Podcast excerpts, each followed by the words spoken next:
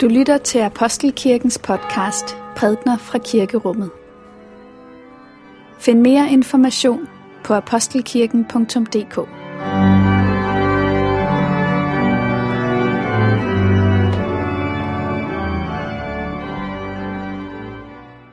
God morgen alle sammen. Skønt at se jer på denne 25. søndag efter Trinitatis. I dag er det lidt en øh, særlig søndag i og med, at det er i dag, vi fejrer den årlige Exit-gudstjeneste. Café Exit er jo organisationen, som holder til lidt længere ned ad gaden, nede i Saxogade nummer 5, og faktisk også holder til huse heroppe i, inde i gården, op på første sal i lokalerne. Og særligt med henblik på arbejdet med indsatte, tidligere indsatte, som jo også er en del af Apostelkirkens arbejdsområde. Så der er en meget tæt forbindelse mellem Café Exit og Apostelkirken. Og derfor så skal vi fejre gudstjeneste sammen i dag. Og i dag er det også med deltagelse af fangekoret, som er med. Stor velkommen til jer under ledelse af Louise Adrian. Bemærk også, at i dag vil der være tv-optagelser. Det drejer sig om, at fangekoret skal deltage i Danmark synger julen ind første søndag i advent på DRK, og øh, der vil være en advents, en julesang, som vil blive sunget her ved gudstjenesten, som bliver brugt i den forbindelse. Vi skal læse fra Korintherbrevet Lad os takke for Guds ord. For Guds ord i skriften, for Guds ord i blandt os, for Guds ord inden i os, takker vi dig Gud. Det siger jeg jer, brødre. Kød og blod kan ikke arve Guds rige, og det forgængelige arver ikke det uforgængelige. Se, jeg siger jer en hemmelighed. Vi skal ikke alle sove hen, men vi skal alle forvandles i et nu, på et øjeblik, ved den sidste basun. For basunen skal lyde, og de døde skal opstå som uforgængelige, og vi skal forvandles. For dette forgængelige skal, ikke, skal iklædes uforgængelighed, og dette dødelige skal iklædes udødelighed. Og når dette forgængelige har iklædt sig uforgængelig, og dette dødelige iklædt sig udødelighed, der vil det ord, der er skrevet, være opfyldt. Døden er opslugt og besejret. Død, hvor er din sejr? Død, hvor er din brød? Dødens brød er synden, og syndens kraft er loven. Men Gud skal tak, som giver os sejren ved vor Herre Jesus Kristus. Så her ved siden af mig, der står Ole, som er leder i Café Exit. Og Ole, du har lovet at fortælle lidt mere om Café Exit. Ja, det har jeg. Allerførst øh, vil jeg sige, at øh, i det danske samfund er det en almindelig antagelse, at øh, når man har siddet i fængsel, har overstået sin straf, så kommer man ud og har fuldstændig de samme muligheder som alle andre mennesker i dette land. Men det er desværre ikke tilfældet. Der er nogen af jer, der har siddet i fængsel, og som er kommet ud, som siger, det er først nu, straffen egentlig begynder. Mange har mistet netværk. Mange har ingen bolig. Mange har stor gæld. Og mange har svært ved at få et arbejde. For nogle dage siden var jeg inde og se på Jobnet.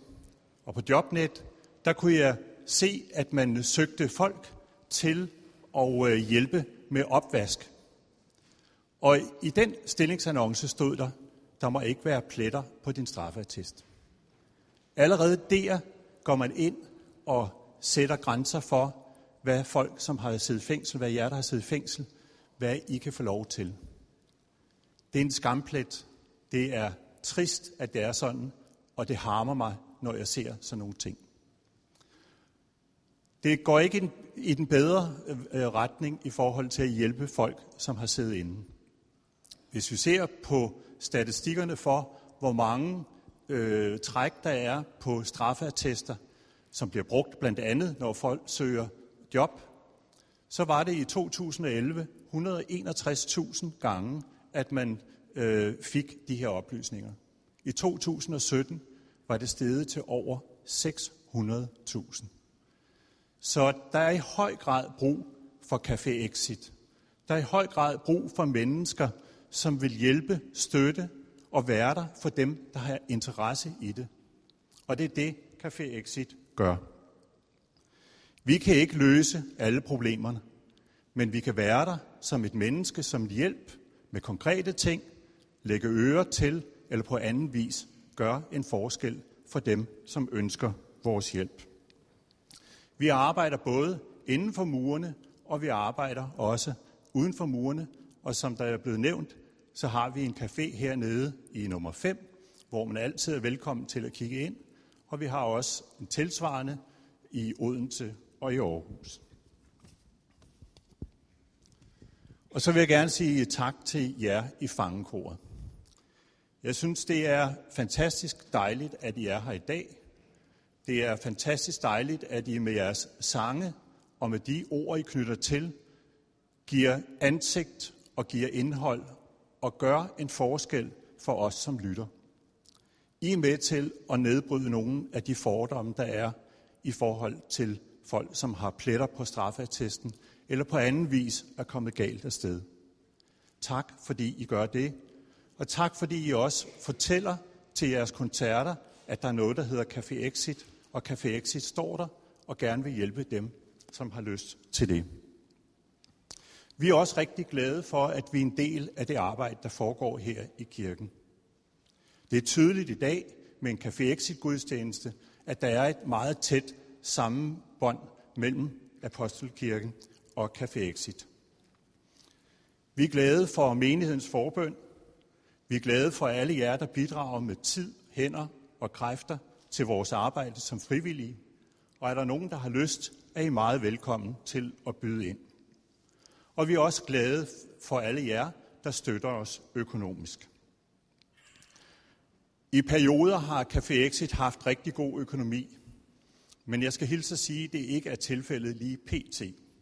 Så vi er meget taknemmelige og afhængige af gaver, også de gaver, som I kan bidrage med i dag og i den her indsamlingsperiode. Når det er sådan, I går herfra, så er vi nogen, der står med sådan nogle folder, som I er velkommen til at tage med. Det giver nogle idéer til, hvordan man kan støtte os økonomisk. Og ellers står der i gudstjenestefolderen, der står der øh, et øh, mobile øh, pay-nummer og et kontonummer, som I også kan give bidrag til. Tak for nu. Dette hellige evangelium skriver evangelisten Lukas. Da farisæerne spurgte Jesus, hvornår Guds rige kommer, svarede han. Guds rige kommer ikke, så man kan iagtage det. Man vil heller ikke kunne sige, se her er det, eller se der, for Guds rige er midt i blandt jer. Men han sagde til disciplene, der skal komme dage, da I vil længes efter at se blot en af menneskesøndens dage, men I skal ikke se den. Men vil sige til jer, se der er han, eller se her, men gå ikke derhen og følg ikke efter. For som lynet lyser fra den ene ende af himlen til den anden, når det lyner, sådan skal menneskesønnen vise sig på sin dag. Men først skal han lide meget og forkastes af denne slægt. Og som det var i Noas dage, sådan skal det også være i menneskesøndens dage. De spiste og drak, giftede sig og bortgiftede sig, lige til den dag, da Noah gik ind i arken, og syndfloden kom og udslettede dem alle. Eller som i Lots dage.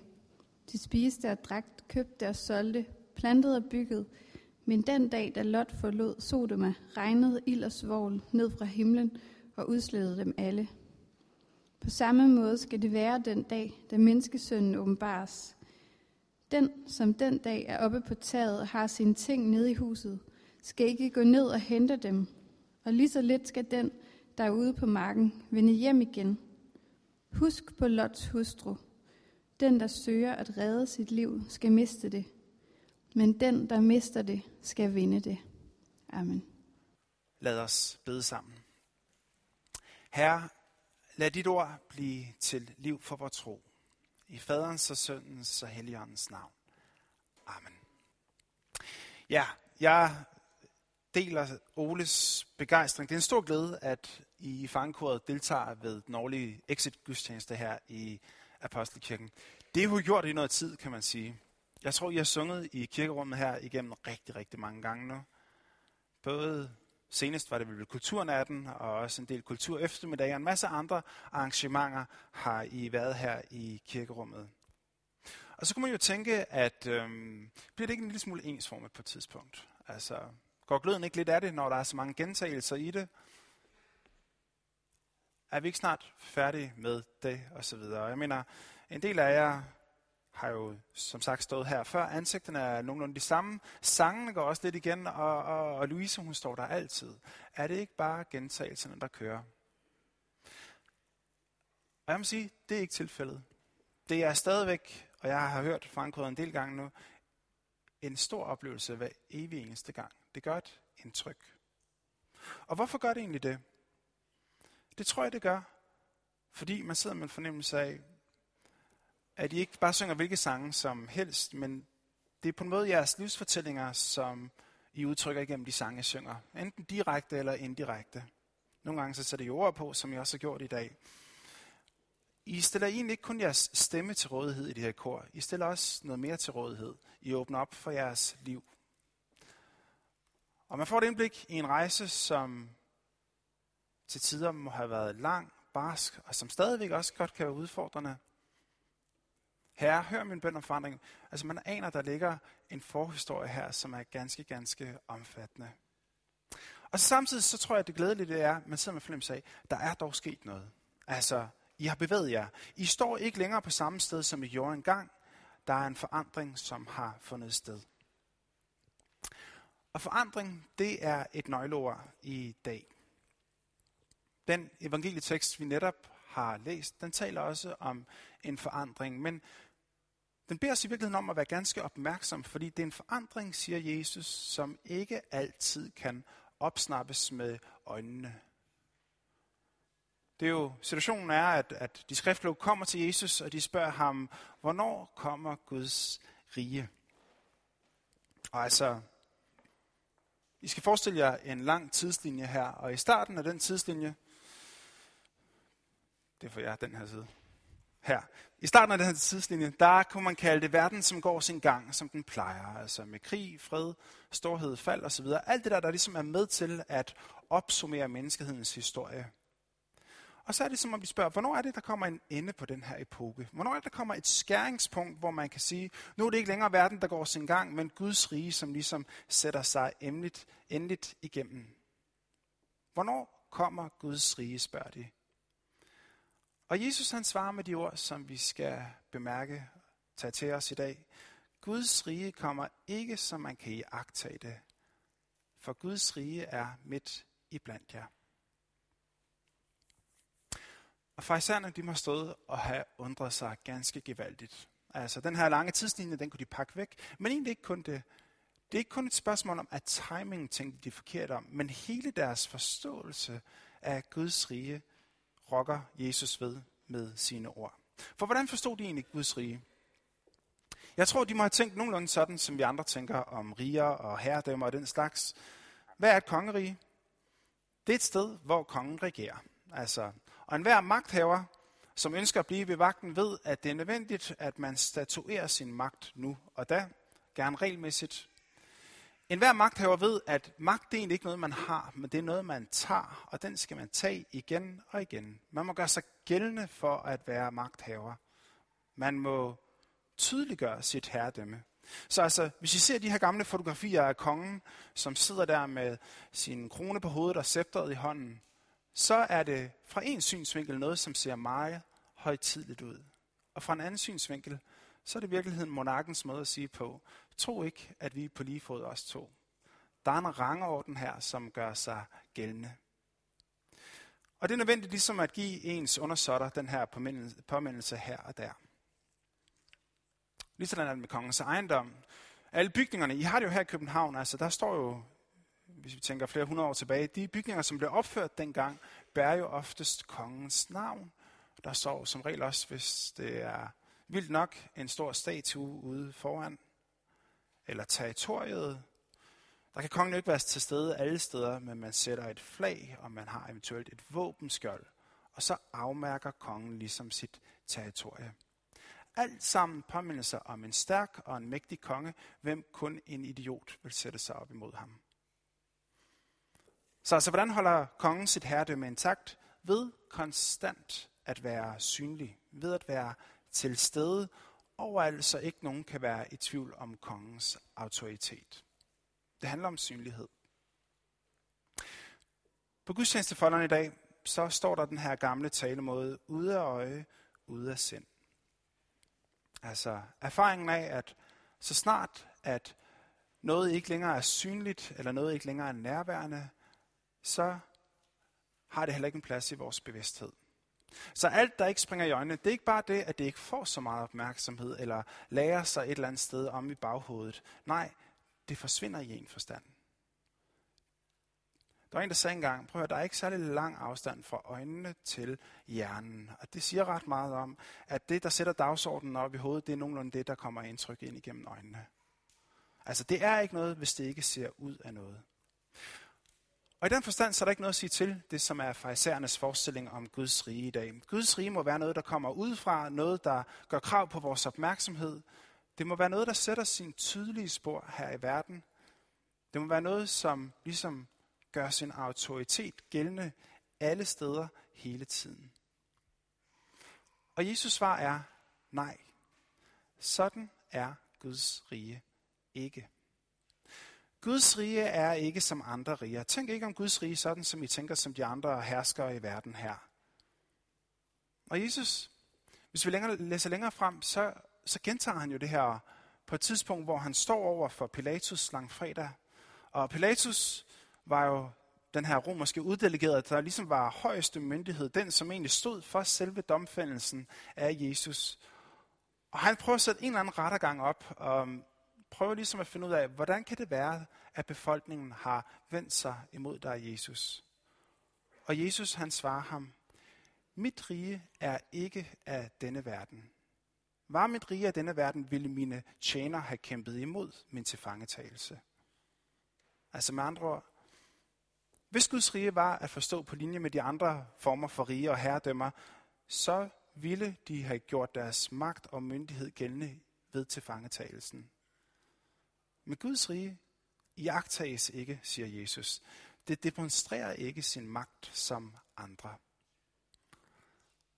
Og så alligevel, så er Guds rige noget, som er med til at forandre verden mere end noget som helst andet, hører vi Jesus sige. Og hvordan det? Der findes vel to former for forandring. Den forandring, der kommer udefra, og den forandring, der kommer indefra.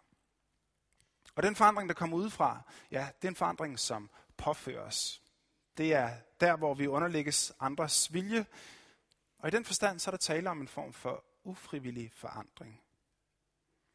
På en måde så er der ikke noget stærkere eksempel på en forandring, der kommer udefra, end netop et fængselsophold.